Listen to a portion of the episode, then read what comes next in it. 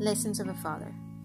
To learn how to fly with a gentle nudge, to learn to forgive and not hold a grudge, to know how to talk with a bridle tongue, to know how to walk and lead the young, to follow the advice from counseled peers, to follow God's word with enhance will enhance your years, to give with a heart that feels better when done, to give with the love of God for His Son.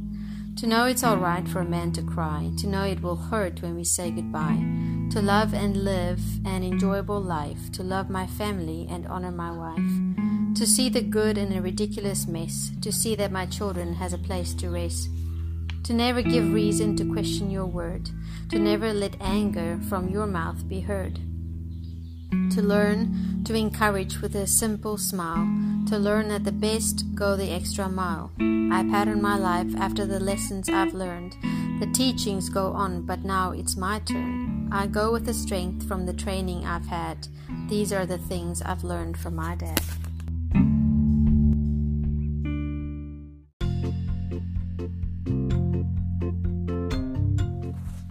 Who made the morning?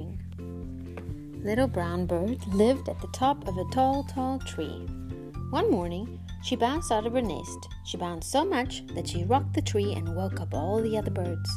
It was the most wonderful morning that Lady Brown, that little brown bird had ever seen. Who made this beautiful morning? she wondered. So, little brown bird went to ask the flowers waving in the grass. Who made this beautiful morning? she twittered as she fluttered about happily. But the flowers turned their petals away from her towards the sun.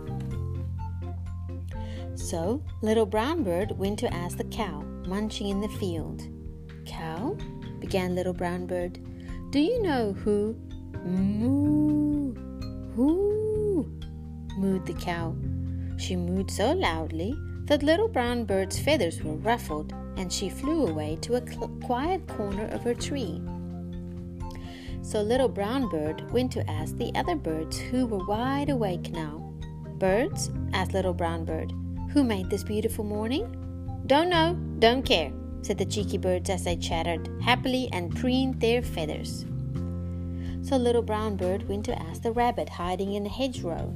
Rabbit, asked Little Brown Bird, who made this beautiful morning? But the rabbit pricked up her ears anxiously, turned tail, and bobbed down a burrow. So Little Brown Bird went to ask the breeze that was blowing fluffy clouds across the sky. Breeze? asked Little Brown Bird. Who made this beautiful morning? The breeze whispered very softly. God, the maker of all the world, made this beautiful morning. Thank you, thank you, Breeze, for telling me, said Little Brown Bird. But I need to find him. Who is God and where does he live? But the breeze moved off gently, rustling through the trees. I shall fly and fly until I find out where God, the maker of all the world, lives. Little Brown Bird sang out to all the other birds. Then I can thank him for making this beautiful morning. Little Brown Bird flew over the countryside. Then she flew over a busy town with cars and trains and buses. She flew on higher over the silver sparkling river and the blue shimmering lake. Little blue, Bird flew towards the snowy mountain tops, higher than she had ever flown before. And then, suddenly, the black shadow of an eagle filled the sky. Little Brown Bird was frightened. She darted this way and that to escape her fierce eyes and curved beak. Help me! cried Little Brown Bird. Please, someone help me! Just at that moment, the eagle turned and flew away. By now, the sky had grown dark. Cold, starry snowflakes whirled past Little Brown Bird. The wind blew so hard it blew her onto a rocky ledge. She was lost, she was tired, she was cold and hungry. Little Brown Bird lay down in the cleft of a rock and went to sleep. When Little Brown Bird was asleep, she dreamed. She dreamed that God, the maker of all the world, was holding her ever so gently in his hands. She felt happy and she felt safe. When she woke up, the morning sun was warm. The eagle and the snowstorm had gone, and Little Brown Bird wasn't cold and tired anymore. But she was hungry. A gentle breeze lifted her up into the air, and she knew she would be able to find her way home. She crossed the blue shimmering lake and the silver sparkling river. She flew over the busy town with cars and trains and buses, and then back over the countryside until she was nearly home. And then Little Brown Bird understood something wonderful, something so wonderful that she knew she never she would never forget it. Did you find God, the maker of all the world? asked the cheeky chattering birds when she reached her tall, tall tree. Yes, Little Brown Bird chirped happily. God was with me in all the places I went, and He looked after me. God, the maker of all the world, is with me all the time, wherever I go. What is God like? Asked the cheeky chattering birds. God is stronger than the wind, and He is brighter than the sun, said Little Brown Bird. He's greater than the eagle and the storm, and He has brought me home. Then Little Brown Bird hopped up and down and said, And God, the maker of all the world, made this beautiful morning. And to thank him, Little Brown Bird sang a happy song. The end.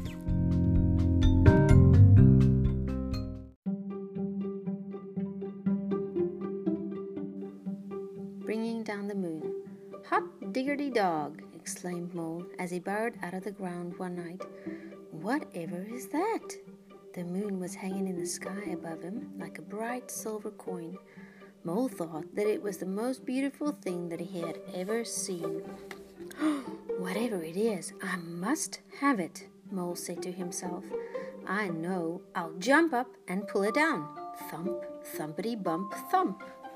Mole was so busy jumping he didn't think about the noise he was making, and he woke up Rabbit in her burrow. Mole, said Rabbit, what on earth do you think you're doing? Hello, Rabbit, said Mole. I'm trying to pull down that shiny thing. You mean the moon? asked Rabbit. So that's what it's called, said Mole. You'll never do that, said Rabbit. It's not as near as it looks. But Mole would not give up. Ah, I know, he thought. I'll get a stick and poke it down. He found a long stick and poked it up at the moon. Swish, swish, swishity, swish. Mole was so busy poking that he tripped over Hedgehog in his bed of leaves. Mole, grunted Hedgehog. What the weevil are you up to? Hello, Hedgehog, said Mole. I'm trying to poke down the moon. You'll never do that, said Hedgehog. It's not as near as it looks. But Mole would not give up. I know, he thought. I'll throw something at it and knock it down. He found some acorns and threw them at the moon. Plink, plink, plinkety plink. Ouch! said Squirrel. Mole, you have gone nuts. Hello, Squirrel, said Mole. I'm trying to knock down the moon. You'll never do that, said Squirrel. It's not as near as it looks. But Mole wanted the moon so badly he would not give up. I know, he thought. I'll climb a tree and fetch it down. Mole had never climbed a tree before. It was hard work, and he was scared to be so far from the ground. But he kept on going until he saw the moon resting in the leaves above him. Mole stretched out his paws, but just when he thought he had the moon, he slipped. Ooh! Eek! Ouch! Ooh! Mole thumpled down and landed splash in the middle of a puddle. Hot dang diggity drat, thought Mole. I almost had that time. Then he noticed something floating in the puddle beside him. It was pale and wrinkled, but Mole recognized it at once. the moon, whispered Mole. It must have fallen down with me. He reached out to pick up the moon, but as soon as he touched it, it broke into pieces and it vanished. Mole sat in the puddle and he cried. Rabbit, Hedgehog, and Squirrel came running up. Are you all right, Mole? asked Rabbit. Uh, I'm all right, sobbed Mole, but the moon isn't. I pulled it down and then I broke it, and it was so beautiful, and now I shall never see it again. Oh, Mole, said Rabbit, you couldn't have pulled down the moon, and you couldn't have broken it, said Hedgehog. And you'll never certainly see it again, said Squirrel. Look! High up in the sky above them, the moon was coming out from behind a cloud. oh, whispered Mole. and it's just as beautiful as ever. Mole, Rabbit, Hedgehog, and Squirrel stood and stared up at the moon together. It is beautiful, said Rabbit. Very beautiful, said Hedgehog. Very beautiful indeed, said Squirrel. Yes, said Mole, but it's not as near as it looks. The end.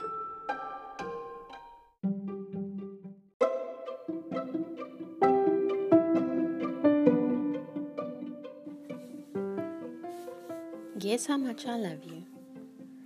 Little Nut Brown Hare, who was going to bed, held on tight to Big Nut Brown's hair, very long ears. He wanted to be sure that Big Nut Brown Hare was listening. Guess how much I love you, he said. Oh, I don't think I could guess that, said Big Nut Brown Hare. This much, said Little Nut Brown Hare, stretching out his arms as wide as they could go. But Nut Brown Hare had even longer arms. But I love you this much, he said. Hmm, that is a lot, thought Little Nut Brown Hare. I love you as high as I can reach, said Little Nut Brown Hare. I love you as high as I can reach, said Big Nut Brown Hare. That is very high, thought Little Nut Brown Hare. I wish I had arms like that. Then Little Nut Brown Hare had a good idea. He tumbled upside down and reached up the tree trunk with his feet. I love you all the way up to my toes, he said. And I love you all the way up to your toes, said Big Nut Brown Hare, swinging him up over his head. I love you as high as I can hop, laughed Little Nut Brown Hare, bouncing up and down. But I love you as high as I can hop, smiled Big Nut Brown Hare, and he hopped so high that his ears touched the branches, above. That's good hopping, thought Little Nut Brown Hare. I wish I could hop like that. I love you all the way down the lane as far as the river, cried Little Nut Brown Hare. I love you across the river and over the hills, said Big Nut Brown Hare. That's very far, thought Little Nut Brown Hare. He was almost too sleepy to think any more. Then he looked beyond the thorn bushes out into the big dark night. Nothing could be further than the sky. I love you right up to the moon, he said, and he closed his eyes. Oh, that's far, said Big Nut Brown Hare. That is very, very far. Big Nut Brown Hare settled Little Nut Brown Hare into his bed of leaves. He leaned over and he kissed him good night. And then he lay down close by and whispered with a smile, I love you right up to the moon and back. The end.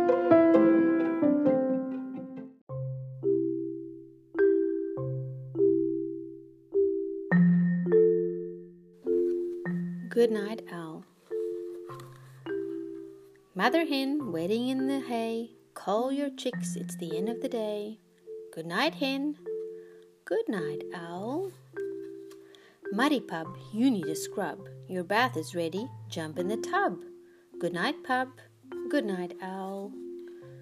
Curly lamb, it's time to eat. Drink your milk, it's rich and sweet. Good night, lamb. Good night, owl. Spotted calf, the night is here. Your mama's close, so never fear. Good night, calf. Good night, owl. Pretty blue bird in your nest, fluff your feathers, then you rest. Good night, bird. Good night, owl. Baby bunny, snug your head into mother's fuzzy bed. Good night, bunny. Good night, owl. Tiny child, the moon is bright. Your eyes are drooping. Say good night. Good night, child. Good night, owl. Ooh, the end.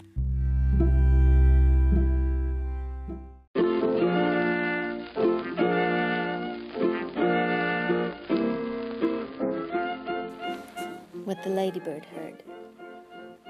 Once upon a farm lived a fat red hen, a duck in a pond, and a goose in a pen, a woolly sheep, a hairy hog, a handsome horse, and a dainty dog, a cat that meowed, and a cat that purred, a fine prize cow, and a ladybird.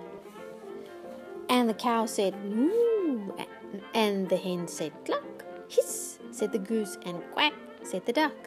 Nay, said the horse. Oink, said the hog. Bah, said the sheep. And woof, said the dog. One cat meowed while the other purred. And the ladybird never said a word. But the ladybird saw and the ladybird heard. She saw two men in a big black van with a map and a key and a cunning plan. And she heard them whisper, This is how we're going to steal the fine prize cow. Open the gate in the middle of the night, pass the horse, and then turn right. Round the duck pond past the hog. Be careful not to wake the dog. Left past the sheep, then straight ahead and in through the door of the prize cow's shed. And the little spotted ladybird, who never before had said a word, told the animals this is how two thieves are planning to steal a cow. They'll open the gate in the middle of the night, pass the horse, and then turn right, round the duck pond past the hog. Be careful not to wake the dog. Left past the sheep, then straight ahead, and in through the door of the prize cow's shed. And the cow said, Moo. And the hen said, Cluck. Hiss, said the goose, and quack, said the duck. Nah, said the horse. Oink, said the hog. Bah, said the sheep, and woof, said the dog. And both the cats began to meow we can't let them steal the fine prize cow. But the ladybird had a good idea, and she whispered into each animal ear. In the middle of the night, the two bad men, Hefty Hugh and Lanky Len, opened the gate while the farmer slept, and tiptoed into the farm they crept. Then the goose said, Nay, with all her might, and Len said, That's the horse, turn right. And the dainty dog began to quack. The duck said, You, we're right on track. Oink, said the cats, there goes the hog, be careful not to wake the dog. Bah, bah, bah, said the fat red hen. The sheep, we're nearly there, said Len. Then the duck on the pond said, moo, Two more steps to go, said Hugh. And they both stepped into the duck pond, splosh. And the farmer woke and said, Golly gosh. He called the cops and they came, nee, nah, nee, nah. And they threw the thieves in the panda car. Then the cow said, Moo and the hen said cluck, hiss said the goose, and quack said the duck. Nay, said the horse, oink said the hog, bah said the sheep, and woof said the dog. And the farmer cheered, and both cats purred, but the ladybird never said a word. The end.